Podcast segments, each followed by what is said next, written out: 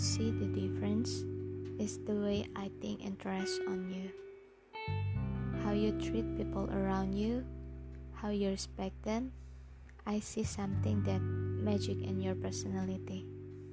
How you're responsible in yourself and your ambition. I see you will be the great man as a leader, brother, and son.